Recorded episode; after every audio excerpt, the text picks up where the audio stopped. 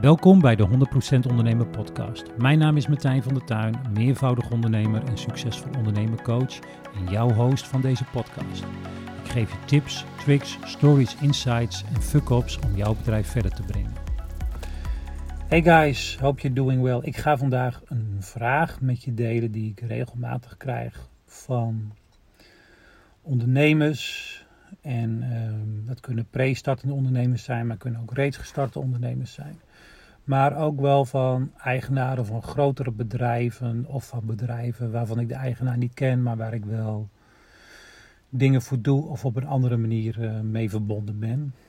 En de vraag is, die ik vaak krijg is van Martijn, hoe kom jij aan goede stagiaires? Ja, goede is het uh, goede Nederlandse woord. Hoe kom je aan goede, goede, goede Nederlandse stagiaires?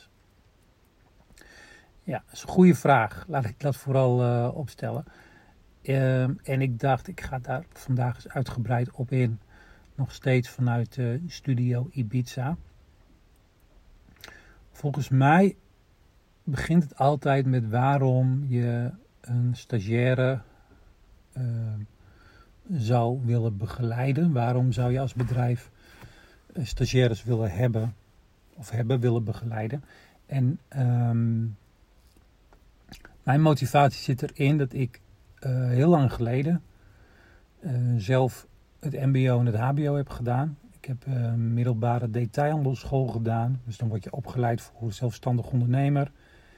En daarna heb ik heel lang geleden commerciële economie in deeltijd gedaan. Dus dat betekende vier dagen in de week werken en één dag in de week naar school. Was een fantastische tijd. In ieder geval, als ik terugga naar mijn MBO-periode, um, en toen hadden we het niet over een arbeidsmarkt die overspannen was, waarbij er meer vacatures waren dan uh, uh, aanbod. Dus er was genoeg aanbod, maar te weinig uh, vacatures, laat ik het zo maar zeggen. Tegenwoordig zitten we in een tijd dat er heel veel vacatures zijn voor heel weinig mensen. Dus dat betekent als jij stagiaire bent of werkzoekende, dat je heel veel keuzes hebt. En keuzes is een vorm van uh, luxe, laat ik het zo maar zeggen. En um, dat was toen niet zo. Sterker nog, je moest blij zijn toen ik een stageplek uh, zocht dat je er eentje kon krijgen. En da daar moest je het vaak ook mee doen. En we hebben het echt over lang geleden hoor. Um, ik, ik, kwam op een gegeven moment kwam ik, bij de Albert Heijn terecht. En als je me echt goed zou kennen, zou je weten dat ik uh, oorspronkelijk uit Delfzijl kom, het noordelijkste puntje uh, van Nederland. En als je op de dijk staat, en we wonen vlak bij de dijk, dus ik zeg ook vaak van ik ben een jongen van de zee, want ik was elke dag was ik ook wel te vinden bij de zee. Um, dan kan je Delfzijl, dan kan je Duitsland zien liggen. Dus noordelijker dan dat kan, uh, kan niet. In ieder geval, uh, daar ben ik geboren en getogen. En daar ging ik stage lopen bij de Albert Heijn. En um, ja, het was, uh, ja, wat moet ik erover zeggen? Laat ik het zo zeggen, waar het op uitdraaide is dat ik tien weken moest stage lopen. Ik heb negen weken vakken gevuld en in de laatste week moesten mijn stageopdrachten er nog eventjes doorheen worden geramd. En nou ja, ik, weet je, ik was best wel in die, uh, weet je, ik had het best wel goed voor elkaar in die periode, alleen ik was niet assertief. En ik was, in dat, ik was ook wel een beetje bleu. En ik liet het mij ook wel een beetje uh, overkomen. En ik zag ook dat mijn stage begeleider vanuit school een hele goede stage of een goede verhouding had met, met dat bedrijf. Uh, maar ik ging negen weken, vakken, negen weken vakken vullen. De laatste week ging mijn, moesten mijn schooldrachten nog even worden doorheen worden geramd. En zoveel heb ik daar dus niet geleerd. En toen ik dat dus ook in mijn laatste week zei, weet je, toen werd er tegen mij gezegd, ja maar zo, zo werkt het hier. Nou, daar heb ik voor mezelf als, als stagiaire toen heel veel van geleerd. Dat ik dacht, ja oké, maar dit, het feit dat ik ook maar één stageplek had om te kiezen, dat was één. Twee is, ik had veel assertiever moeten zijn. En drie is, um, ik had ook het vermogen moeten hebben om te zeggen: ja, maar zo werkt het dus niet voor mij, want ik wil alles leren. Maar ik, ik vond het wel prima zo. En wat ook wel meespeelde, wat mij een beetje werd voorgehouden tussen de regels van: als je het goed doet, kan je hier ook vakkenvuller blijven. En man, dat was in mijn tijd was dat het hoogst haalbare om te halen. Vakkenvuller bij de, Albert Heijn in Delfzijl. Althans, in mijn wereld. En ehm, het jaar erop dacht ik van oké, ik ga het anders aanpakken. Ik, ga, uh, ik wil de best of de best worden.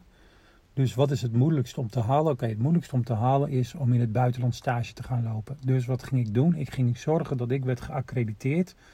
Nou, dat ik ging zorgen dat ik de beste cijfers had, de beste motivatie, et cetera, et cetera. Om met nog vier andere mensen geselecteerd te worden om in het buitenland stage te lopen. En toen kwam ik bij een van de grootste supermarkten in Engeland uit. En ik wist niet wat ik zag, joh. Ik denk dat die gasten 30 kassa's hadden en afdelingen. Ik zag vis.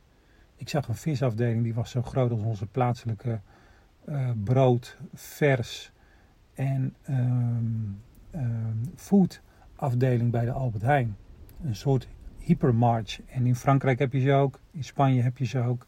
En in Engeland heb je ze ook. Ik wist niet wat ik zag. En daar zag ik ook dat stages heel anders konden.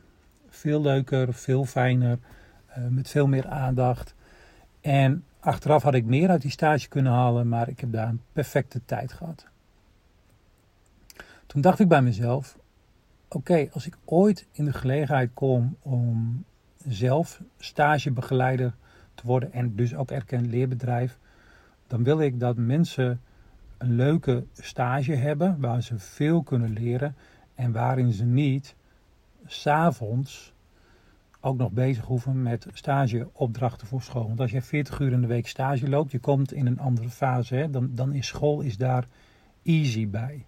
Maar als jij s ochtends om 8 uur begint en je draait dagen van 8 of 9 uur en je gaat om 5 of om 6 uur weer naar huis, dat is heel wat anders dan als jij MBO-student bent en uh, s ochtends om 9 uur hoeft te beginnen tot een uur of drie en daarna. En je zit gewoon in andere modus operandi.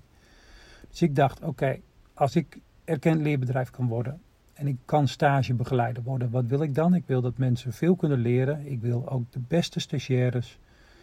En ik wil ook um, dat mensen overdag in stagetijd met hun schoolopdrachten bezig moeten. Want wat ik heel raar vond in die periode is dat ik geacht werd om 40 uur per week productief te zijn en dan even school erbij moest gaan doen. En ik wist niet dat ik dat ook kon uitonderhandelen. En als je er niet om vraagt, dan krijg je het vaak ook niet. Dus toen besloot ik op een gegeven moment, toen ik eh, mijn eerste bedrijf startte, van oké, ik ben uh, ik ben bedrijf, ik heb een bedrijf, ik heb personeel. Ik ga me nu aanmelden om erkend leerbedrijf te worden. En dat was allemaal niet zo moeilijk en dat ben ik ook geworden. En uiteindelijk kreeg ik dus ook stagiaires waar ik in den begin heel blij mee was en waar ik nog steeds blij mee ben.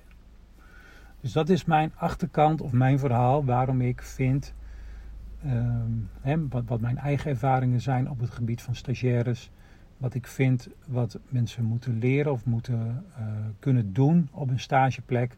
Maar ook dat je mensen ook de ruimte moet gaan geven. En ik heb te vaak gezien, en nog wekelijks hoor, spreek ik stagiaires die misbruikt worden door bedrijven die 40 uur productief moeten zijn, uh, die voornamelijk de K-klussen, uh, mag zelf invullen wat ik daarmee bedoel, moeten doen. En een stage hebben met weinig uitdaging. En wat ik altijd zeg tegen stagiaires, zeker in deze tijd, als je keuze hebt, dat is luxe. Als, als je al je paden op, nou hoe zeg je dat, als je al je kaarten, of als jij maar één te kiezen hebt, heb je, geen, heb je niet zoveel te kiezen. Dan is het take it or. Terwijl als jij tijdig begint met het zoeken van een stageplek, heb je meer te kiezen. Dus dat is zeg maar het verhaal achter uh, waarom ik erkend leerbedrijf ben geworden. Uh, waarom ik uh, stagiaires wil begeleiden en wat voor tips en suggesties ik stagiaires ook meegeef. Maar goed, de grote vraag is natuurlijk: hoe krijg je de beste stagiaires? Nou, best is natuurlijk relatief, dus je moet ook voor jezelf kijken van welke eisen stel je aan een stagiaire. Maar het belangrijkste wat ik vind is dat je stagiaires iets concreets te bieden moet hebben. Dus je moet hun interessante stageopdrachten en andere werkzaamheden te bieden hebben. wat ze al kunnen of waar ze beter in kunnen worden. En ze moeten iets uh, te bieden krijgen. hun moet iets geboden te worden. Zo, ze moeten iets kunnen zien wat ze kunnen bereiken, maar waar ze wel wat voor moeten doen. Dus het moet niet te makkelijk worden. Dus ik zeg ook altijd bij stagiaires, the sky is the limit. Als jij in staat bent om in 10 weken of 20 weken of 26 weken of in een jaar dit te realiseren, dan gaat er een wereld voor je open. Als jij hard gaat, ga ik ook hard. Als je minder hard, ga ik ook minder hard. Maar die ondergrens, die ligt al best wel hoog. Dus ja, je moet hun dus concreet uh, uitdagende opdrachten te bieden hebben. Want goede stagiaires gaan daar goed op. Die weten, oké, wat ik hier leer, kan ik ook weer gebruiken in mijn vervolgopleiding. Of in de baan die ik na mijn opleiding ga doen. Dus dat is dat. Je moet hun daarnaast ontwikkeling te bieden hebben. Dus dat betekent dat mijn stagiaires of de stagiaires die ik krijg. En ik ben geaccrediteerd voor marketing, communicatie, junior account management en vakman ondernemerschap. En ik ben nu ook bezig om e-commerce stagiaires te mogen begeleiden. Ehm, een voorbeeld, ik gebruik zelf, uh, heb ik, deze podcast heb ik opgezet. Uh, daarvoor heb ik ook trainingen gevolgd. Daarvoor hebben we ook grafisch ontwerper ingehuurd. Daarvoor moesten ook een aantal dingen worden uitgezocht. Dat heb ik zelf gedaan, maar dat heb ik samen met. Hè, ik weet precies wat er moet gaan gebeuren. Dus ik heb in de hoofdlijn weet ik wat er moet gaan gebeuren. Maar daar betrek ik dan ook actief stagiaires bij om het samen met mij op te gaan zetten. Dus ehm, je moet mensen ontwikkeling bieden. En ik had het net al over een uitdaging, maar ik had bijvoorbeeld een online training aangeschaft. Uh, voor het opzetten van een podcast. Want het lijkt heel makkelijk, maar aan de achterkant, het is niet moeilijk, maar het is niet eenvoudig. Er moeten wel wat dingen voor gebeuren en op een goede manier worden uitgevoerd. Dus die stagiaires die daarbij betrokken zijn, hebben ook die training gevolgd. En betrek ik ook bij de keuzes die we zouden kunnen gaan maken. En ik laat hun daar ook keuzes maken. Dus dan hebben we het over ontwikkeling. En ik heb wel meer dingen ik, er zijn verschillende manieren om kennis tot je te nemen. Een van de manieren is door een training te volgen. Een andere manier zou kunnen zijn uh, om uh, uh, boeken te lezen of naar een workshop te gaan. of een online training te gaan volgen of één op één gesprekken. Daar betrek ik dus ook heel actief stagiaires bij die daarvoor openstaan. En die daarvoor openstaan, die lopen dus ook stage bij mij. Dus je moet ze iets te bieden hebben en je moet zorgen dat ze zich kunnen ontwikkelen. Dus dat is ook belangrijk. Op die manier krijg je namelijk ook de beste stagiaires. Dus het valt allemaal samen. Nou, ten derde, wat je, wat je doet, of wat ik doe, is dat ik goede banden heb met opleidingsinstituten. Dus in, in dit geval ehm, gaat het om drie opleidingsinstituten in de stad Groningen. Ehm, daar met die docenten heb ik een goede relatie. Ik geef wel eens gastcolleges, ze bellen mij wel eens wat voor andere dingen.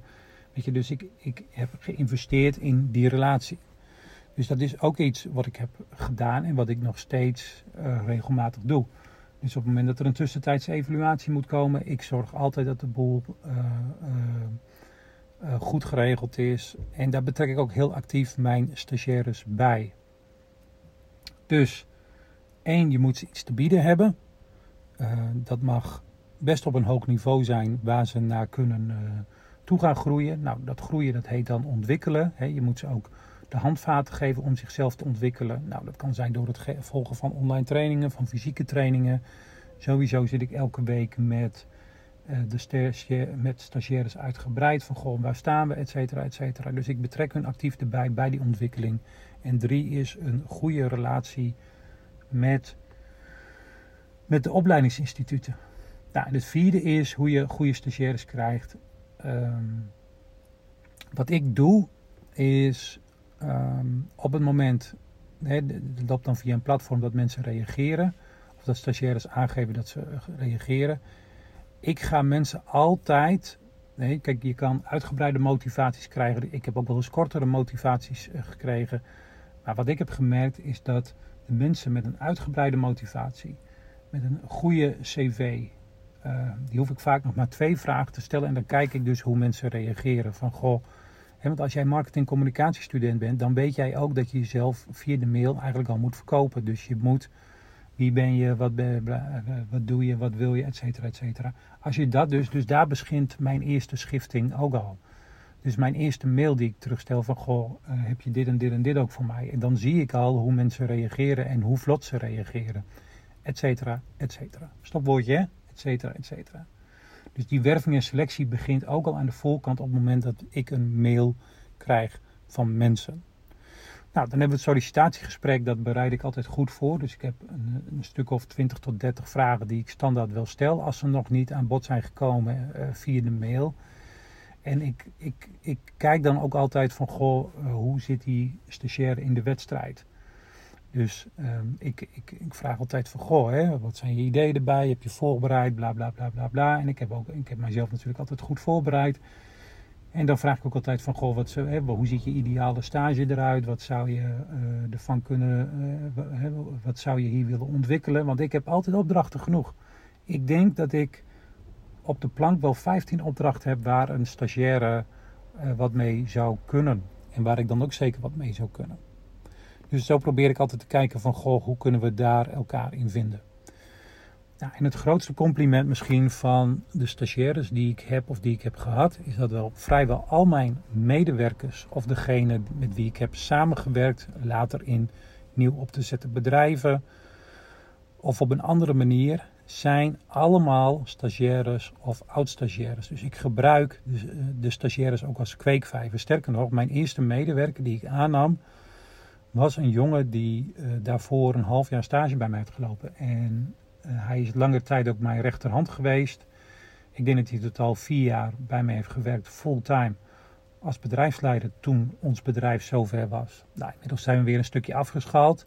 Maar dat is natuurlijk het grootste compliment wat je een stagiaire kan geven. Een andere stagiaire is nog steeds een van mijn rechterhanden, op, uh, virtueel gezien dan, doet een aantal klussen of werkzaamheden per week voor mij, staat op de loonlijst. En zo gebruik ik dus um, ook mijn stagiaires of mijn groep stagiaires die bij mij komen, gebruik ik als kweekvijver. En heel vaak kan ik al vrij snel zien, um, wordt dit wat of wordt dit niks. Gaat dat altijd goed, Martijn? Nee, dat gaat niet altijd goed. En dat is ook het lot als je dus werkt met stagiaires. Hoe groot, hoe goed je intake ook kan zijn, hoe groot, goed je uitgebreid je werving en selectie ook kan zijn soms gaat het wel eens mis. En dat mensen hè, dan nog wel een goed sollicitatiegesprek hebben. Dat je misschien toch wat twijfels hebt. En dat je al na een week of twee weken of drie weken hebt van joh, dit gaat hem niet worden. En dan. Kijk, volgens mij kan je dan drie dingen doen. Je kan niks doen en dan ga je de rit dus met elkaar uitzingen. Maar dan krijgt één persoon buikpijn, want die heeft een verkeerde stageplek. Je kan ook het gesprek aangaan van, goh, we hebben dit en dat allemaal goed gedaan. Maar ik zie dit en hoe gaan we nou met elkaar verder? Alright, nou de grootste, ik zei het net al, misschien is het mooiste voorbeeld wel dat uiteindelijk stagiaires ook, uh, dat ik daar bedrijven mee opzet of dat ik daar op andere manieren mee samenwerk of dat ze bij mij in een van mijn bedrijven komen werken of daaraan verbonden blijven. Maar wat ook goed werkt om heel interessant te zijn voor nieuwe stagiaires is dat je laat zien hoe goed je bent. Dus dat betekent dat jij bijvoorbeeld via eh, stagemarkten kan laten zien wat je, wat je kan. Uh, maar wij zijn bijvoorbeeld in 2018 zijn wij ook uh, uitgeroepen tot het beste stagebedrijf op het gebied van uh, zakelijke dienstverlening voor de provincie Groningen. Dus op het moment dat je dat ook kan laten zien, word je nog aantrekkelijker voor nieuwe stagiaires. Alright, um, Martijn, heb je, kan je dan nu ook twee concrete voorbeelden geven van wat stagiaires op dit moment bij jou doen? Ja, dat kan ik. Nou, het is nu uh, zaterdag, dus uh, ik denk niet dat ze zoveel doen op dit moment voor mij. Nee, eentje die, uh, die is betrokken bij het opzetten en het managen van de podcast. En die is ook verantwoordelijk voor het onderhoud van de website. En die jongen doet marketing, communicatie en dat gaat als een trein. Dus we zijn ook bezig hoe we meer zouden kunnen gaan adverteren. Een nieuwe stagiaire begint over een kleine maand. Die moet een half jaar stage lopen en die gaat ook bij mij afstuderen op het gebied van marketing communicatie. En dan gaan we het voornamelijk hebben over adverteren. Over hoe we dat zouden kunnen gaan aanpakken. En ik heb op dit moment ook een junior account management stagiaire die bezig is om een ander bedrijf wat ik heb. Daar heb ik onlangs een compagnon van uitgekocht te kijken van oké, hoe kunnen wij een product market fit kunnen eh, vinden. Dat was een start-up. Nou, met een start-up betekent ook dat je wekelijks heel hard groeit. En dat gebeurt op dit moment niet. Dus we zijn aan het kijken van. We hebben ons op verschillende doelgroepen gericht. Van op welke doelgroep gaan we nu verder mee? En wij hebben ervoor gekozen om eerst de, de, de evenementenbusiness stap voor stap bij langs te gaan. En dat doet hij hartstikke goed. Dus dat zijn voorbeelden van stagiaires die op dit moment projecten bij mij doen of gaan doen. Dus uh, dan heb je concreet een aantal ideeën over uh, nou ja, hoe je aantrekkelijk kan worden voor de stagiaires, maar ook hoe je de beste krijgt. Nou, tot zover. Ik, uh, ik wens je nog een hele fijne dag hier weer vanuit Ibiza. Het wordt inmiddels weer wat zonniger en de storm neemt wat af. En tot een volgende podcast. Bye bye, take care. Ciao, ciao. Tot zover de 100% Ondernemen podcast. Ik hoop dat deze podcast je nieuwe inzichten heeft gegeven. Je kan de 100% Ondernemen podcast volgen op Spotify en Apple Podcast of waar je nu ook al deze podcast aan het luisteren bent. Wil je op de hoogte blijven? Volg mij dan op je favoriete podcast app. Online kun je me ook volgen op Instagram, Martijn van der Tuin of 100% Ondernemen. Laat een review achter op Instagram of bij je favoriete podcast app. Wil jij als eerste mijn tips ontvangen en toegang tot exclusieve content? Schrijf dan in voor mijn succesvol ondernemen tips via www.100%ondernemen.nl. Dankjewel voor het luisteren en tot een volgende keer.